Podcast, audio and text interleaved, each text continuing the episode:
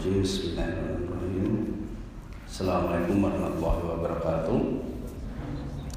Alhamdulillah Nahmaduhu wa nasta'inuhu wa nasta'dihi wa nasta'fir Wa na'udhu billahi ta'ala min syururi anfusina Wa min sayyati a'malina. Innahu ma yahdihillahu fala Wa yudlil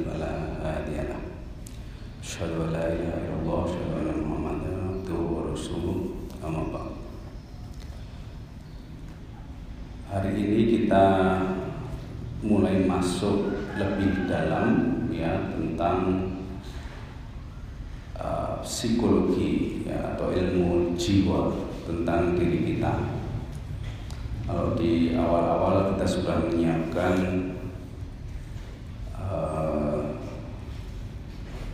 reasoning kita yang menyiapkan pemahaman kita, kesiapan kita untuk memahami.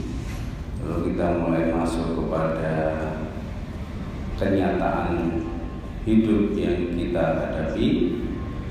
Sekarang kita mulai masuk lebih dalam lagi membahas dan berusaha memahami diri kita sendiri, siapa kita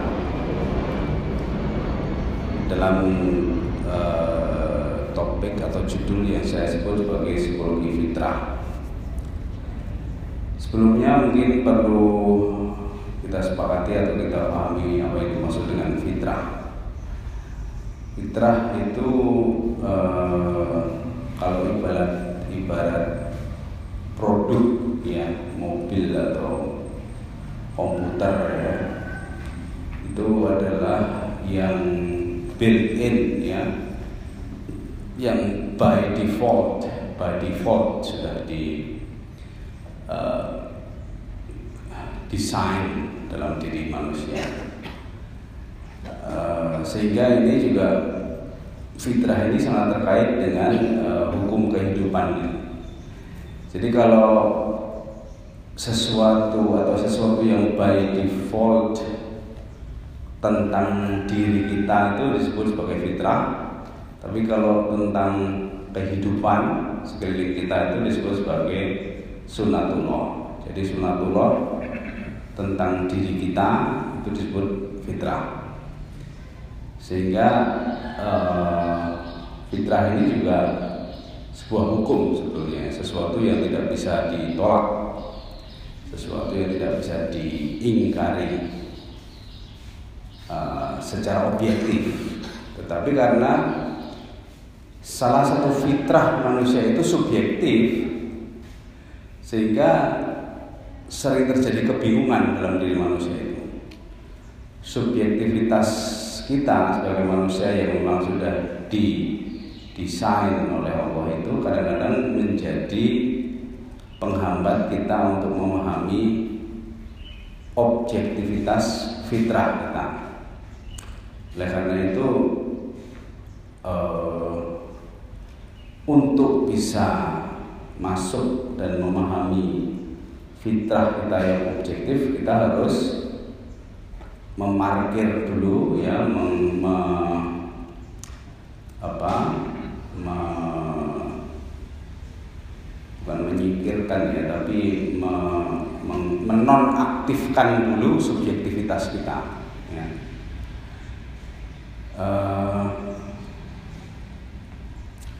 ketika kita bicara masalah fitrah manusia, kalau dalam ajaran Islam itu uh, ibaratnya seperti para sahabat ya umat Islam di awal itu, kalau seorang Muslim yang baik, yang taat, itu kalau Rasulullah Shallallahu Alaihi Wasallam itu bersabda, mereka sikapnya sami'na wa ta'na. Ya, sami'na wa ta'na itu me, e, menonaktifkan subjektivitas.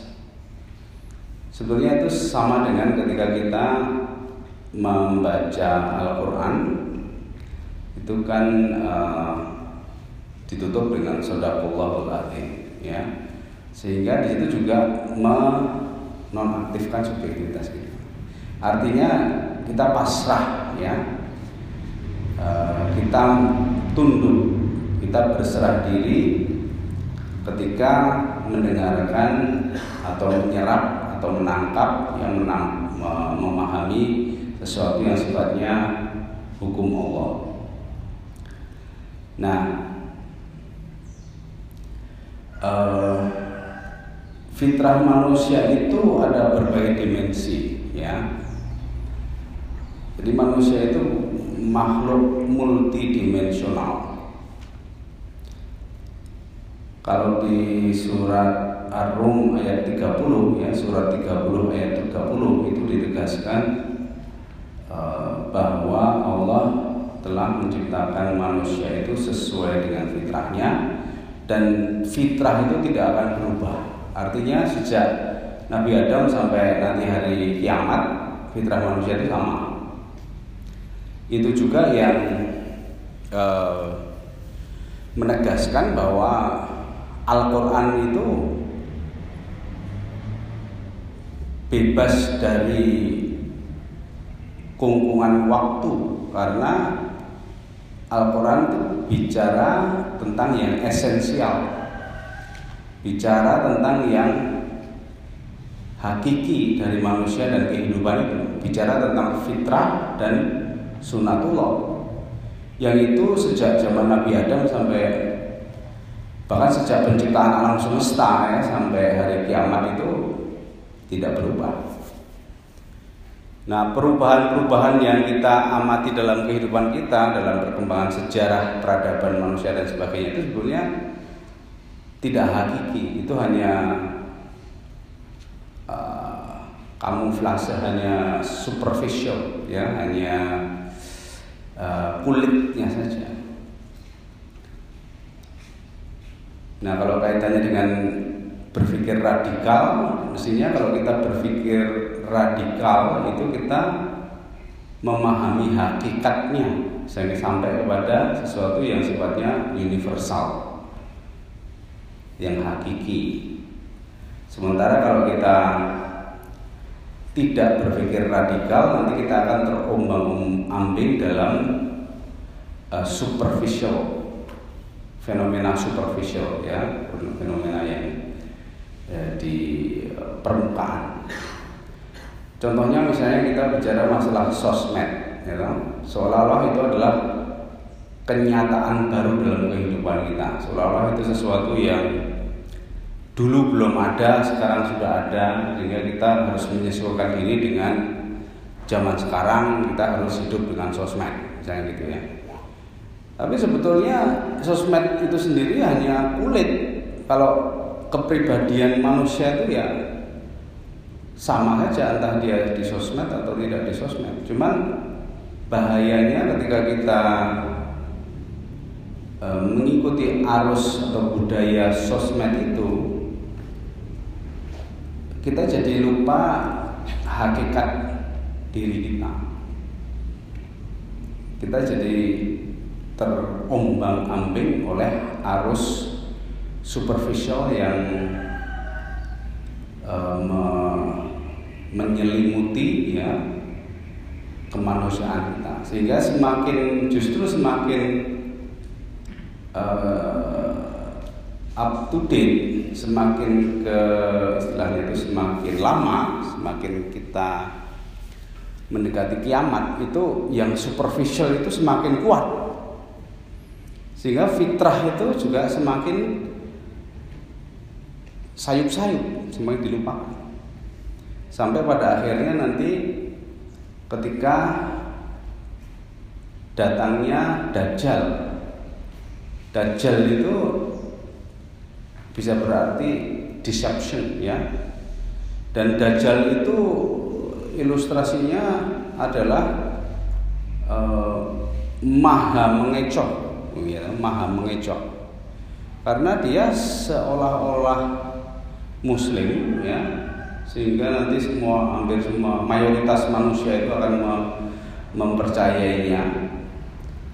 Dan hanya sedikit saja manusia yang masih bisa mempertahankan diri dari apa tipuan dajjal itu ya. Uh, dan itu adalah mereka yang masih memegang keyakinan tentang fitrahnya dan sunatullah.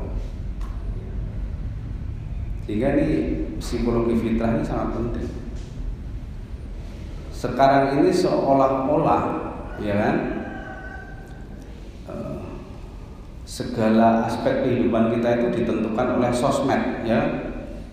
Jadi ada orang yang tiba-tiba populer tiba-tiba keren ya. Tiba-tiba uh, mengubah pemikiran. Pancasila tiba-tiba artinya jadi keberagaman gitu kan. Dan banyak sekali yang lalu ikut-ikutan termasuk para profesor para intelektual itu ter anu, terbius ya Padahal yang namanya sosmed itu kan dunia maya kan kita dunia udah tahu tuh dunia maya. Sehingga yang ada di sosmed itu ya pemimpin maya, itu, orang bijak maya, orang cerdas maya, selebriti maya, Pancasilais maya, gitu. Bahkan orang Islam maya juga di situ. Karena itu sebuah kabut ya sebuah buih. Kalau ibaratnya apa prediksi dari uh, Rasulullah SAW kan di akhir zaman nanti umat Islam itu seperti buih hirup pikuk ya. Buih di lautan gitu ya ombak mengemuruh gitu hirup pikuk gitu. Tapi begitu sampai di pantai dia hilang. Nggak ada bekasnya ya. Nah ini Eh, bisa dilihat dari perspektif bagaimana masyarakat ini melupakan fitrahnya. Fitrah sebagai manusia dan fitrah atau dan sunatullah ya tentang kehidupan. Nah, eh, apa sebetulnya fitrah manusia itu?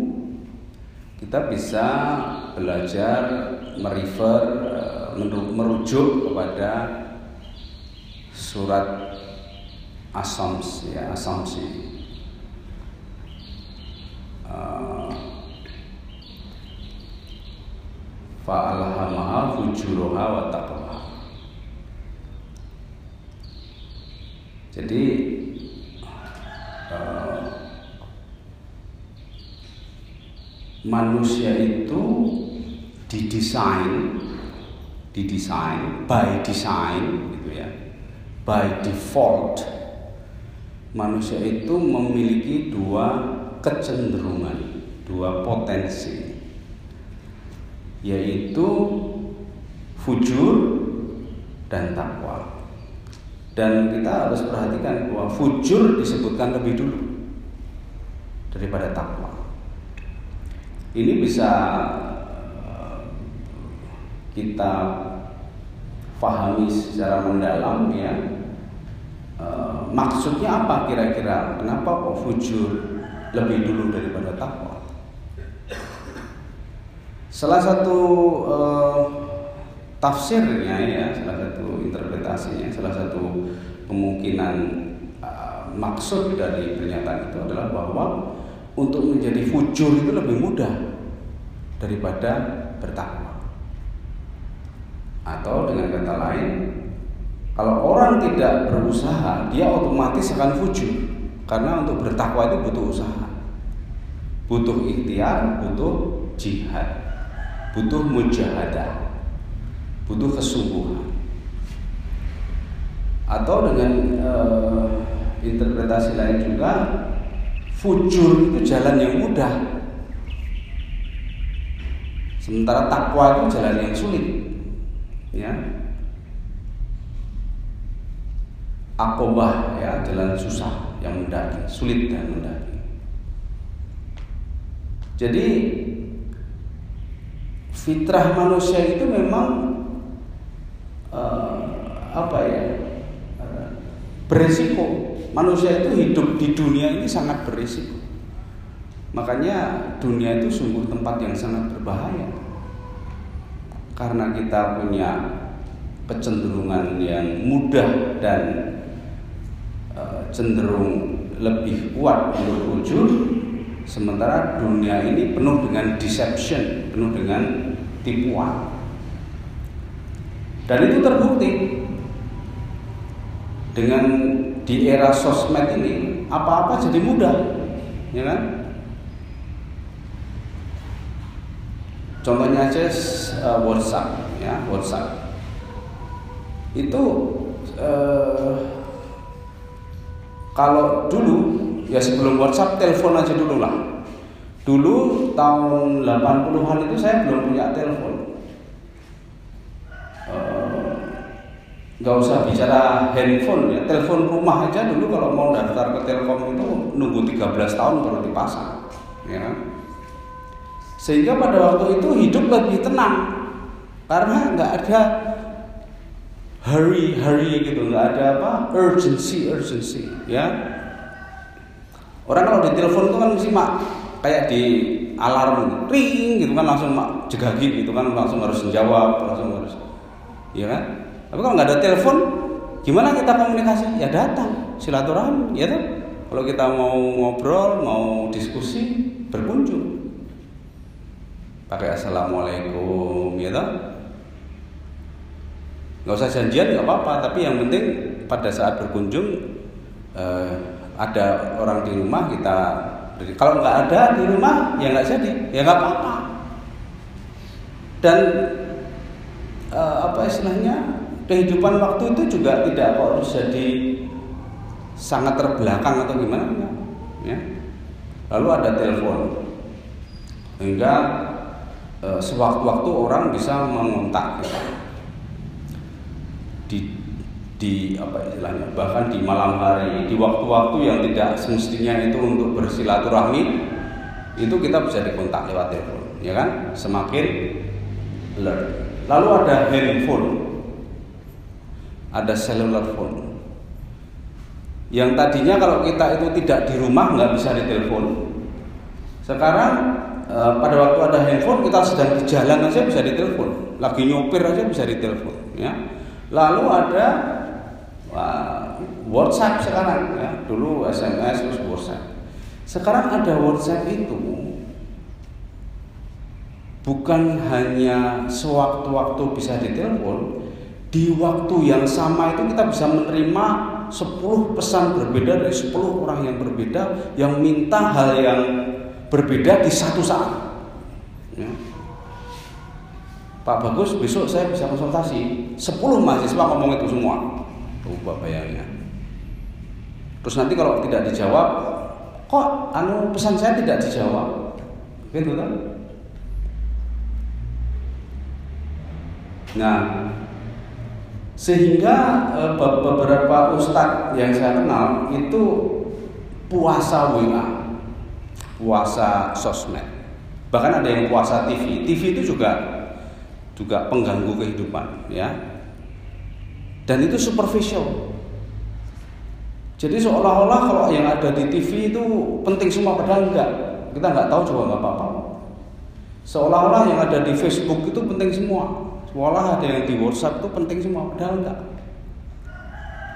Jadi para ulama yang sadar ya karena saya contohnya ulama yang saya pernah kenal gitu dia mereka bilang coba dihitung anda sekali buka WA itu itu berapa menit yang terbuang waktunya berapa persen yang bermanfaat dari waktu itu ya yang kita buang untuk melihat pesan-pesan yang semuanya seolah-olah urgent ya semuanya seolah-olah urgent dan semuanya seolah-olah uh, apa harus segera direspon.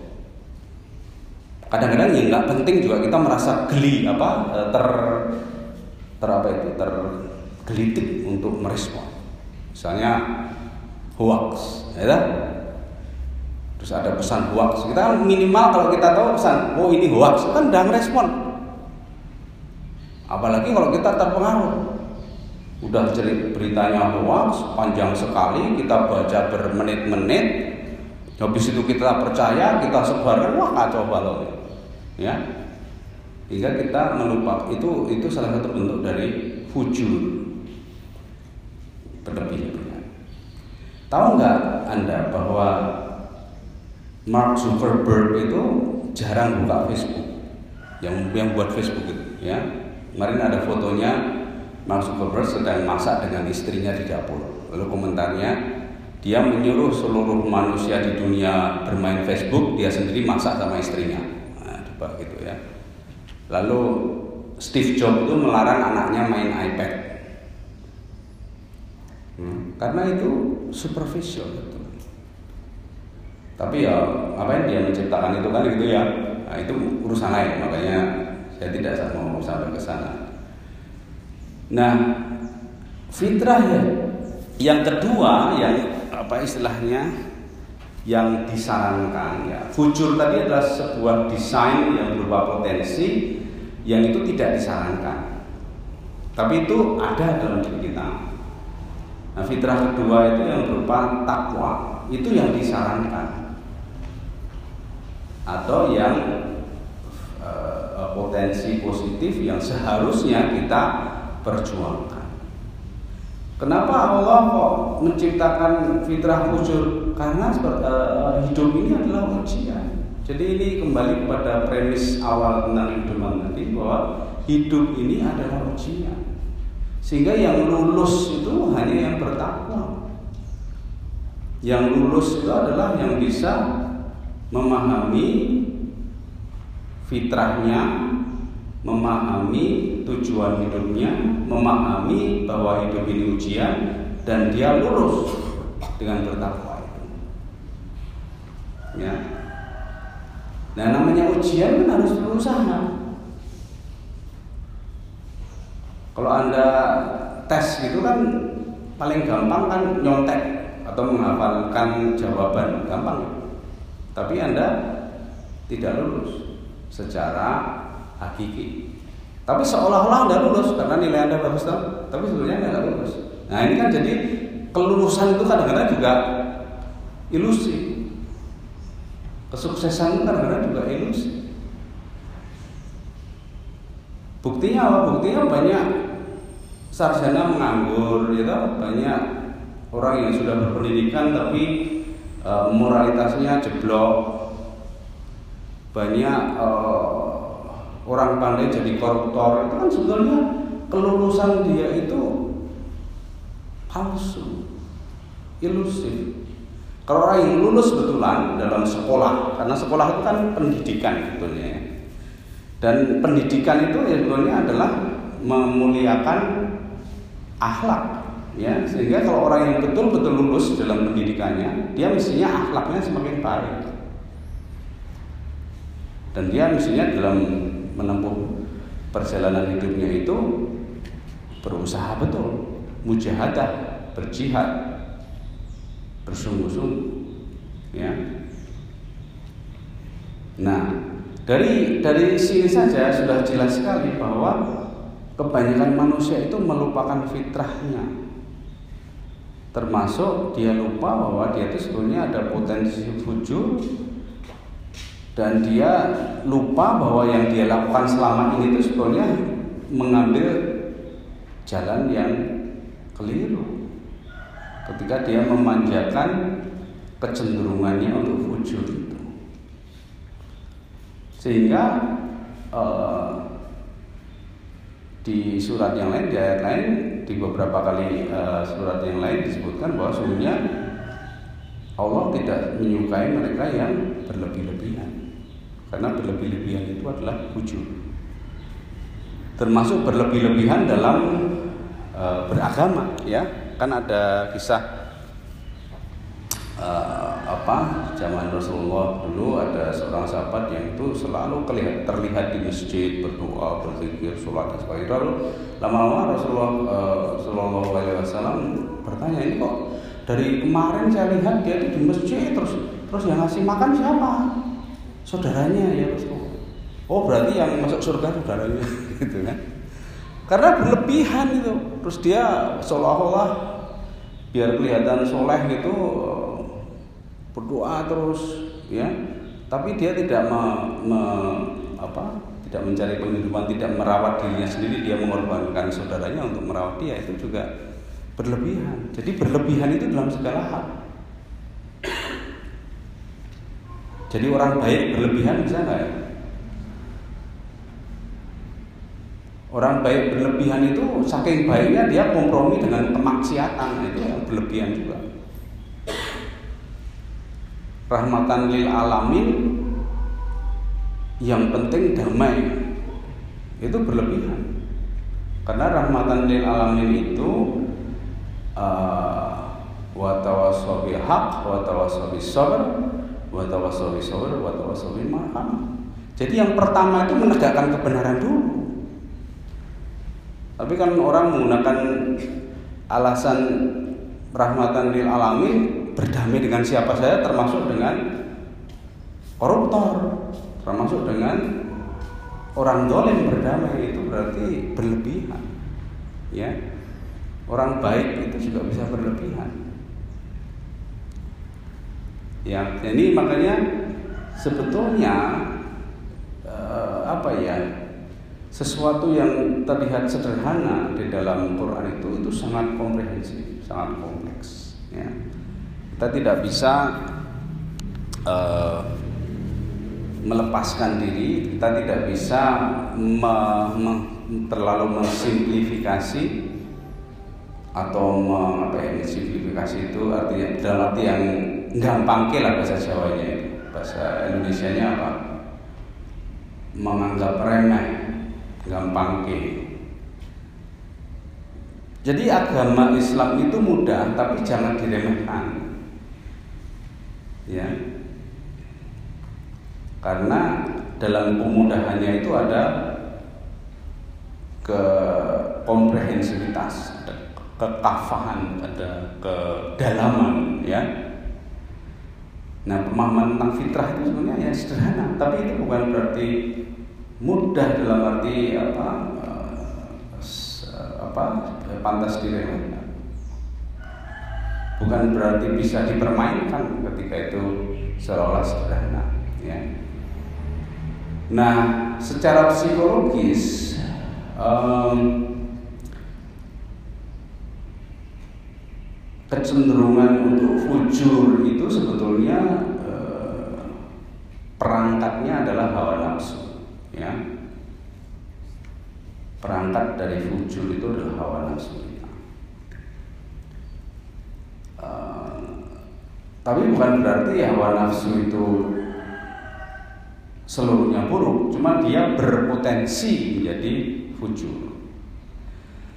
Nah secara psikologis uh, apa yang disebut hawa nafsu itu di, bisa dibagi bisa dibagi bisa di apa breakdown ya menjadi empat hal. Ini sebagai sebuah istihad ya untuk memahami tentang hawa nafsu itu uh, yang pertama itu apa yang disebut sebagai insting ya insting itu ya desain Allah ya desain Allah terhadap manusia. Jadi semua manusia itu dikaruniai insting atau naluri, naluri. Uh, apa itu insting? Insting itu adalah sesuatu yang kita lakukan untuk bertahan hidup.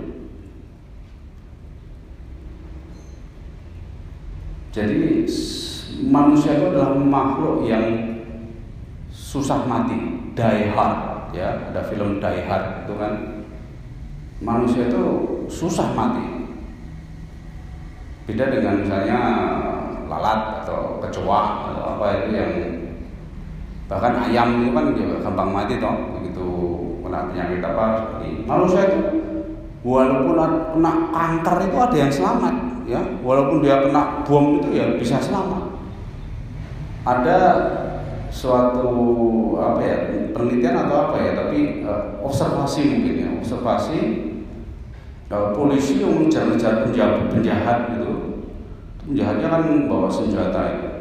Itu diberontong sama polisi sudah berkali-kali masih hidup ya jadi manusia itu makhluk yang paling kuat survival insting ya jadi secara fitrah ya insting itu bisa membuat manusia itu jadi bisa bertahan. Manusia bisa hidup di laut, bisa hidup di uh, kutub, bisa uh, hidup di luar angkasa ya. Kalau uh, binatang itu kalau dia binatang kutub terus dia tersesat di katulistiwa itu kalau tidak di lingkungannya tidak dimanipulasi seperti penguin itu itu kalau penguin kutub terus tiba-tiba dibawa ke sini nggak lama lagi mati ya. Kecuali di lingkungannya dimodifikasi untuk menyesuaikan dengan tapi kalau manusia itu bisa menyesuaikan diri di kutub itu bisa hidup Eskimo itu hidupnya di kutub ya tempat yang sangat panas di padang pasir bisa hidup ya itu insting ya. ada insting ada kemampuan untuk bertindak dalam rangka mempertahankan diri. Jadi itu sesuatu yang naluriah, alamiah, ya insting itu. Lalu yang kedua itu kebutuhan. Kalau insting tadi adalah sesuatu yang dilakukan dalam rangka uh, apa bertahan hidup, kalau kebutuhan itu sesuatu yang harus didapat. Sesuatu yang harus didapatkan dalam rangka survival. Jadi misalnya makan, minum, gitu. Sandang, pangan, colokan, gitu ya. Itu kalau tidak ada itu nggak hidup, ya. Sesuatu yang harus didapatkan, sesuatu yang harus diperoleh. Itu kebutuhan.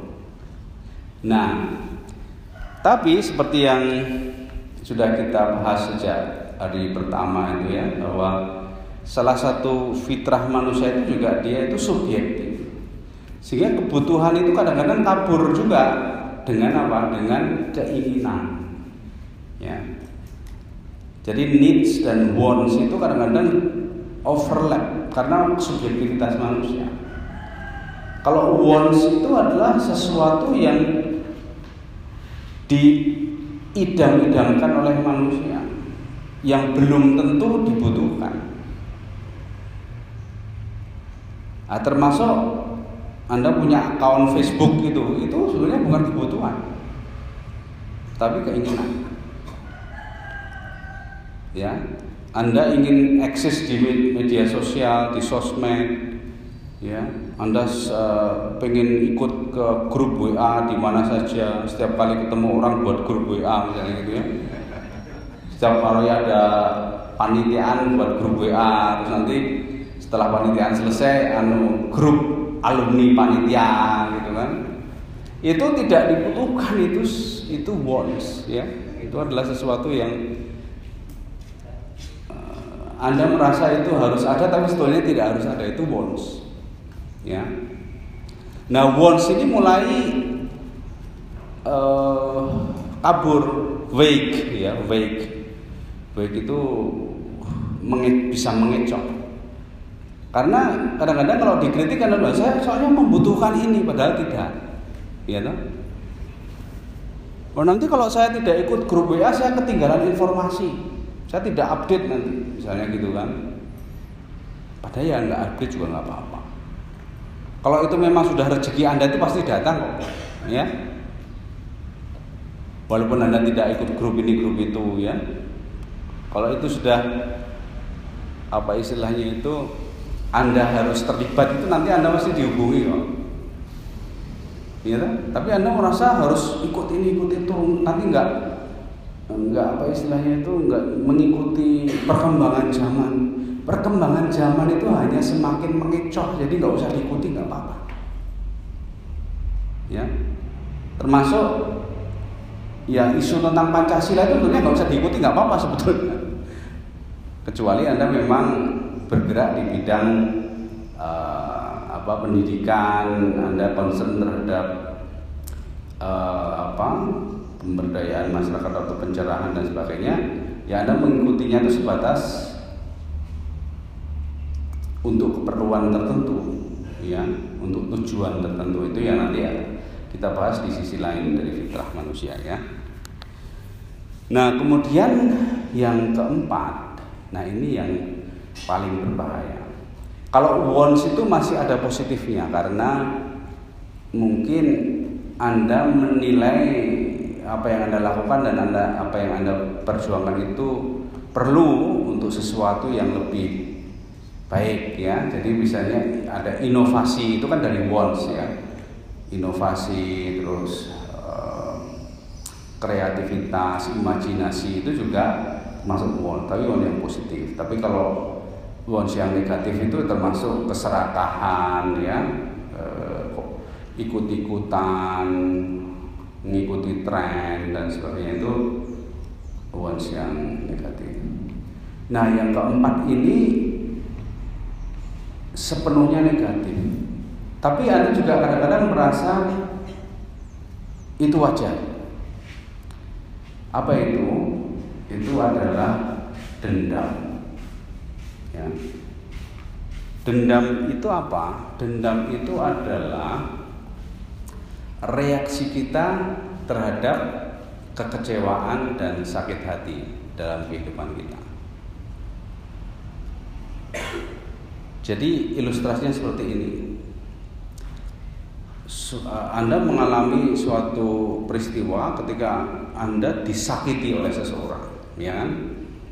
Dihina, dihinakan, dilecehkan, dipermalukan, you Lalu Anda me mencoba bersabar dalam tanda petik ya. Anda mencoba bersabar. Lalu setelah beberapa saat entah berapa tahun gitu Anda ketemu lagi dengan orang yang menyakiti Anda itu lalu muncul dalam hati Anda saya mau buktikan bahwa yang dia katakan tidak benar nah gitu ya. Nah, itu sebetulnya dendam. Karena berarti anak Anda selama bertahun-tahun itu menyimpan sakit hati Anda. Dan tak terbayangkan orang hidup kok membawa sakit hati itu mesti hidupnya menderita. Ya nah, termasuk dendam itu dendam terhadap masa lalu misalnya anda merasa masa lalu anda tidak bahagia masa kecil tidak bahagia gitu kan tapi anda merasa oh, saya harus keluar dari penderitaan saya ini saya harus tegar dan akhirnya anda berhasil anda menjadi orang sukses tapi perasaan bahwa masa kecil Anda tidak berbahagia itu masih tertanam di lubuk hati yang paling dalam. Itu nanti Anda perilaku Anda itu agak aneh-aneh.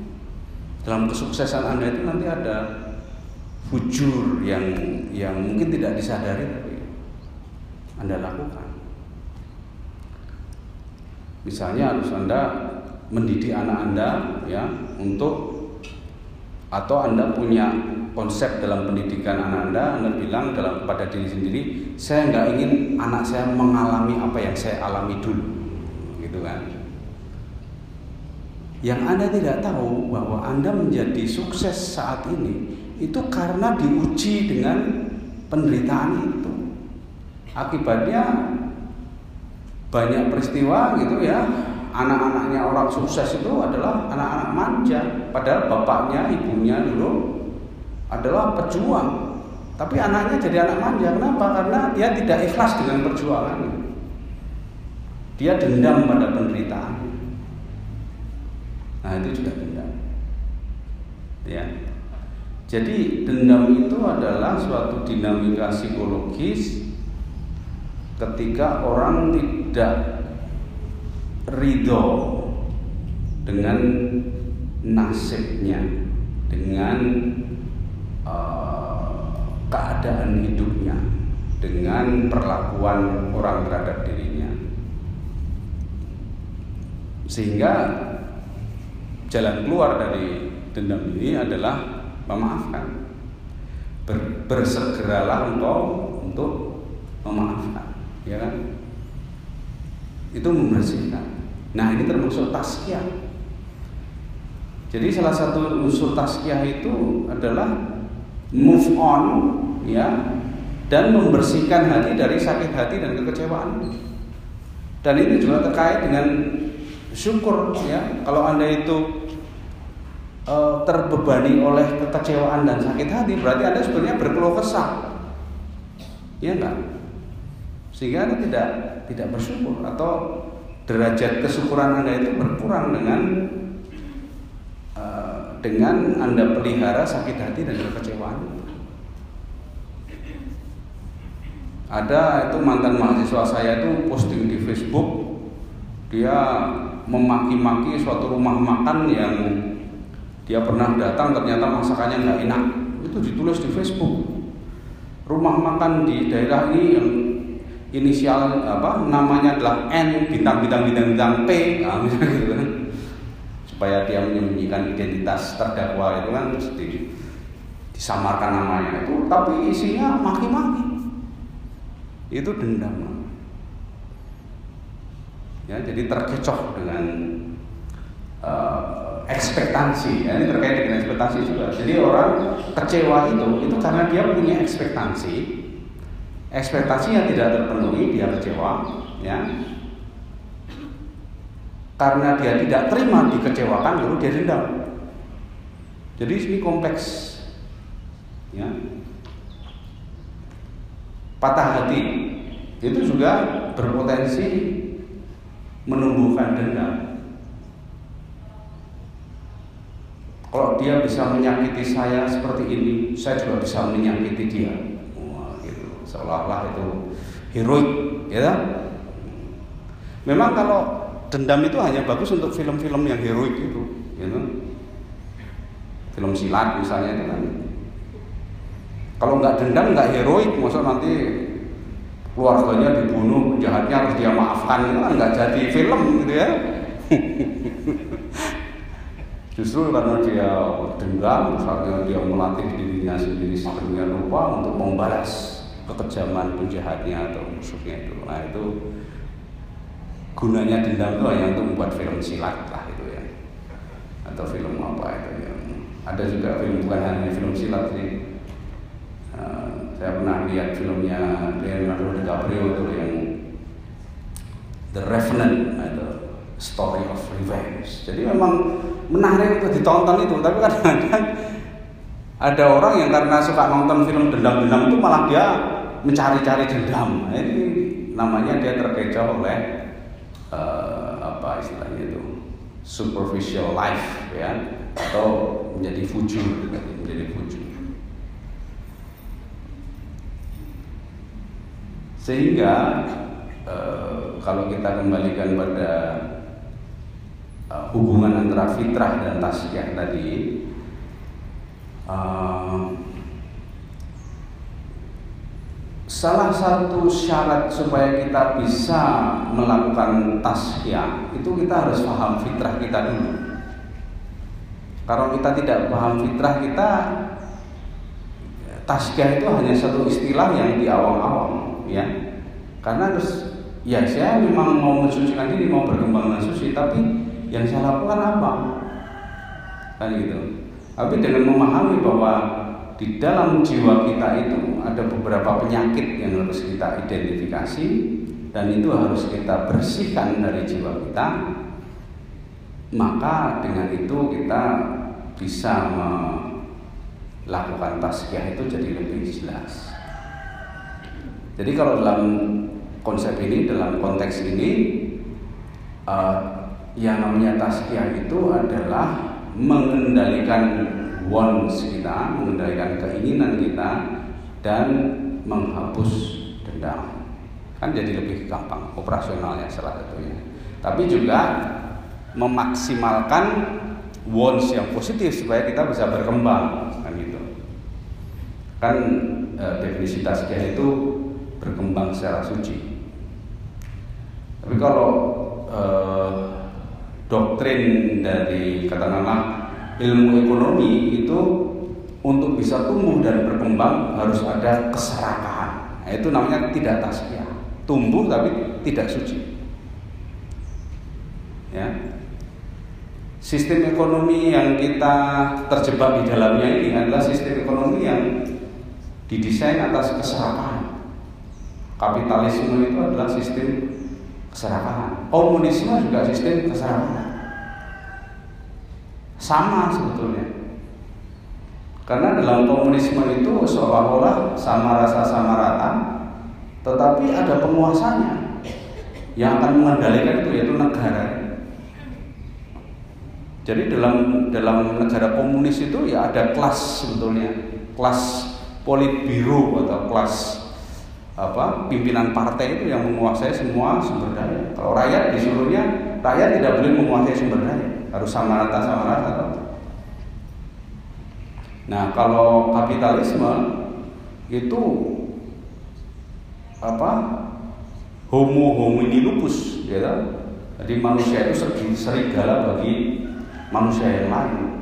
Jadi saling cakar-cakaran sendiri. Mana yang kuat, mana dia menang. Hukum rimba, kapitalisme itu hukum rimba. Sehingga satu-satunya sistem yang ideal ya sistem yang Islam. Islam yang artinya tunduk, tunduk pada perintah petunjuk Allah Subhanahu wa taala, tunduk pada Quran bahwa ekonomi itu adalah kemaslahatan, keadilan sosial bagi seluruh rakyat. Nah itu uh, sistem ekonomi yang Islam. Jadi kemarin uh, saya menghadiri seminar Profesor Yasir Auda itu seorang ahli makoset ya. Beliau bicara soal ekonomi Islam uh, secara simpel kalau ekonomi kapitalis itu kekayaan itu berputar di antara para pemilik modal. Sementara rakyat itu hanya menjadi pekerja yang penghasilannya ya sebatas yang dikasih UMR itu sebatas itu minimal. Tapi kalau anda belum bisa masuk ke kayangan tanda petik ya artinya di Nah, kalau bahasa Yunani itu the titans, the titans itu kan mereka yang menguasai semua sumber itu. Anda tidak bisa uh, apa menikmati kesejahteraan. Anda hanya diberi secukupnya saja. Nah, gitu. Nah, kalau Islam, sistem Islam itu perputarannya ke bawah. Jadi kalau kalau kapitalis itu kan hanya di di, di para eh, apa itu uh, orang kaya itu ya jadi mereka misalnya membuat apa istilahnya ya ada yang buat industri makanan lalu ada yang buat industri rumah makan nah, nanti kan uh, yang membuat atau industri apa itu uh, retail tapi di sisi lain ada yang membuat industri ini nanti uangnya tuh ya dari pemilik tokonya ke produsennya, pemilik tokonya, produsennya itu di bawah itu cuma ketetesan aja. Pekerjaannya itu ya gajinya cuma berapa? Saya nggak tahu gajinya mungkin nggak sampai satu juta. Tapi UMR ya biasanya UMR. Kalau mengikuti aturan UMR. Dan itu fix penghasilan. Ya selama hidup sampai pensiun mungkin ya cuma naik sedikit. Tapi kalau yang orang kaya itu semakin tinggi. Makanya kemarin ada informasi bahwa empat orang kaya di Indonesia itu kekayaannya lebih besar dari 100 juta rakyat Indonesia. Ya, empat orang itu kekayaannya lebih dari 100 juta rakyat Indonesia. Nah itu kapitalis. Ya. Nah ini yang yang yang apa terkait dengan uh, uh, bagaimana kita mengelola kehidupan ya, bagaimana kita mencegah dari sikap fujur tadi itu harus kita pahami ya. Tidak sekedar uh, tahu ya bahwa kita tidak boleh fujur harus bertakwa tapi fenomena kehidupan yang ber uh, sebagai perwujudan dari fujur tadi itu harus kita pahami salah satunya adalah doktrin bahwa untuk maju kita harus serakah nah itu yang yang sebetulnya perlu di taskiah. Bukan berarti Islam tidak boleh maju, tapi majunya harus secara suci. majunya harus secara adil, tidak serakah. Harus dibersihkan dari dendam dan keserakahan. Sebut aja Wons itu Wons itu punya dua muka. Muka yang satunya adalah uh, progres ya atau inovasi. Muka satunya adalah keserakahan. Nah, kalau dalam budaya kapitalisme itu dianggap satu. Jadi makanya kayak doso muko itu orangnya satu, mukanya sepuluh jadi satu gitu muko sehingga dia uh, digambarkan sangat sakti dan sebagainya kalau dalam perwayang ya. Nah kalau dalam Islam itu harus dipisahkan. Ini wants yang uh, murni untuk mengembangkan diri atau ini wants yang uh, fujur yang lalu bentuknya adalah sebuah keserakahan untuk ingin menguasai, termasuk ingin kedudukan atau kekuasaan itu keserakahan itu termasuk itu wants itu. Jadi kalau dalam politik itu selalu ada doktrin kalau bisa terpilih lagi, gitu, apa pun caranya. Lalu dibatasi hanya boleh terpilih lagi dua kali periode. Wah itu sudah diwajib, pokoknya harus dua kali. Ya, apa pun caranya itu keserakahan. Jadi bukan hanya harta ya, termasuk kekuasaan, kedudukan dan sebagainya itu. Ambisi-ambisi ya dalam bahasa perusahaan itu profit. Itu kan semua perusahaan itu kalau membuat rapat tahunan itu selalu tahun depan kita harus lebih profitable. Tahun depan kita harus ekspansi kita harus dan seterusnya. Pokoknya eh, doktrin keserakahan itu sudah mendarah daging di, di dunia usaha dan di dunia politik ya bisnis dan sebagainya nah kita hidup di dunia seperti itu.